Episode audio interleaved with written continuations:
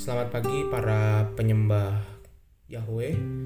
Puji dan syukur kita naikkan kepada Tuhan karena hari ini kita mau bersama-sama percaya bahwa setiap orang yang datang kepada Tuhan tidak akan pernah disia-siakan. Setiap orang yang mau datang kepada Tuhan akan senantiasa diberikan harapan. Sehingga bila hari ini kita sama-sama mau menjalani dengan sebuah keyakinan bahwa kita mau melakukan apa yang Tuhan kehendaki. Kita akan memujikan dari NKB 212 NKB 212 sungguh inginkah engkau lakukan bait pertama dan yang kedua. NKB 212 sungguh ingin engkau lakukan bait pertama dan yang kedua.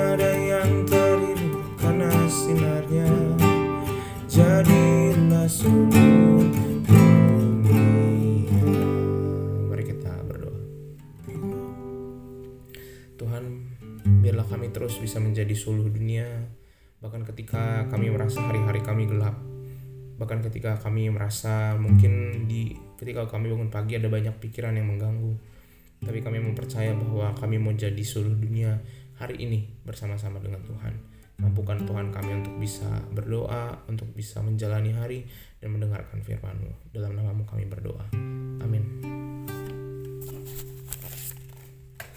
Kita akan buka bersama-sama dari Ibrani 9. Ibrani 9 ayat 1 sampai yang ke-6. Ibrani 9 ayat 1 sampai 6 demikian sabda Tuhan. Memang perjanjian yang pertama juga mempunyai peraturan-peraturan untuk ibadah dan untuk tempat kudus buat tantangan manusia. Sebab ada dipersiapkan suatu kemah yaitu bagian yang paling depan dan di situ terdapat kaki dian dan meja dengan roti sajian. Bagian ini disebut tempat yang kudus. Di balik tirai yang kedua terdapat satu kemah lagi yang disebut tempat yang maha kudus. Di situ terdapat mesbah pembakaran ukupan dari emas dan tabut perjanjian yang seluruhnya disalut dengan emas. Di dalam tabut perjanjian itu tersimpan buli-buli emas berisi mana, tongkat Harun yang pernah bertunas dan loh, loh batu yang bertuliskan perjanjian. Dan di atasnya kedua kerub kemuliaan yang menaungi tutup pendamaian. Tetapi hal ini tidak dapat kita bicarakan sekarang secara terperinci. Demikianlah cara tempat yang kudus itu diatur, maka imam-imam senantiasa masuk ke tempat kemah yang paling depan itu untuk melakukan ibadah mereka.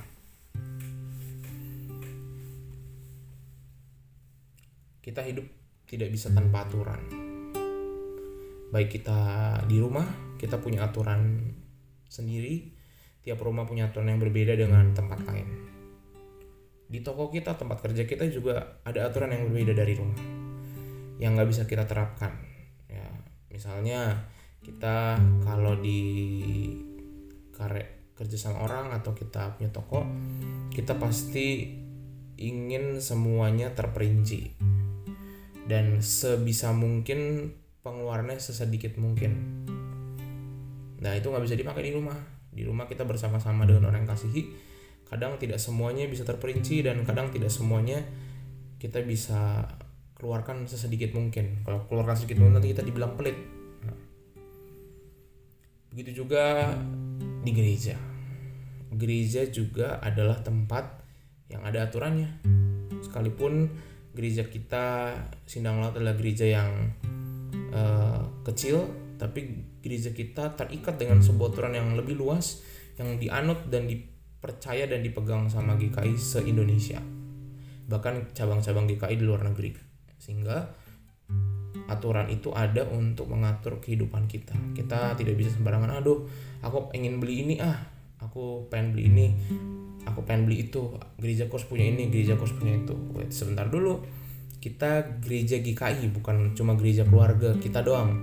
Ini gereja bersama-sama dengan aturan sehingga apa pun yang kita lakukan itu kita harus lihat tata gerejanya bagaimana seharusnya kita bisa mengambil keputusan dan melakukannya supaya keinginan baik kita bisa terlaksana sesuai dengan aturan-aturan yang ada. Nah, itu juga yang disaksikan di dalam kitab Ibrani bahwa hidup sebagai orang-orang Kristen mula-mula mereka juga punya aturan-aturan. Ada beberapa aturan yang mereka ambil alih dari agama sebelumnya, agama Yahudi dan mereka sudah menjalani itu di sepanjang kehidupan mereka dari zaman emak engkong mereka, dari zamannya orang tua mereka sehingga kita harus mematuhi aturan-aturan yang ada ya. Tradisi yang ada. Sehingga sekalipun yang kita pandang menurut kita paling baik belum tentu sesuai dengan tradisi dan kita harus belajar untuk bisa memahaminya. Cuma Tuhan yang bisa mengubah tradisi karena Yesus adalah sang imam agung yang mengubah tradisi kehidupan orang beragama pada saat itu umat Israel menjadi terpusat dan terarah kepada Kristus. Nah hari ini kita mau belajar menjalani hidup dengan melihat aturan-aturan yang ada. Belajar hidup taat aturan, belajar hidup untuk tidak hanya taat aturan pemerintah, ya kita tidak mencuri, tidak membunuh, bukan hanya itu, tetapi aturan-aturan norma-norma yang ada di hidup masyarakat, yang ada di gereja, yang ada di rumah, di mana pun berada, kita juga ingat kita taat aturan bukan karena kita kaku, tapi karena kita mau hidup harmonis satu sama lain. Dan hidup kita bukan tentang kemauan kita saja. Tidak mudah memang, sangat tidak mudah. Melepas ego sangat tidak mudah.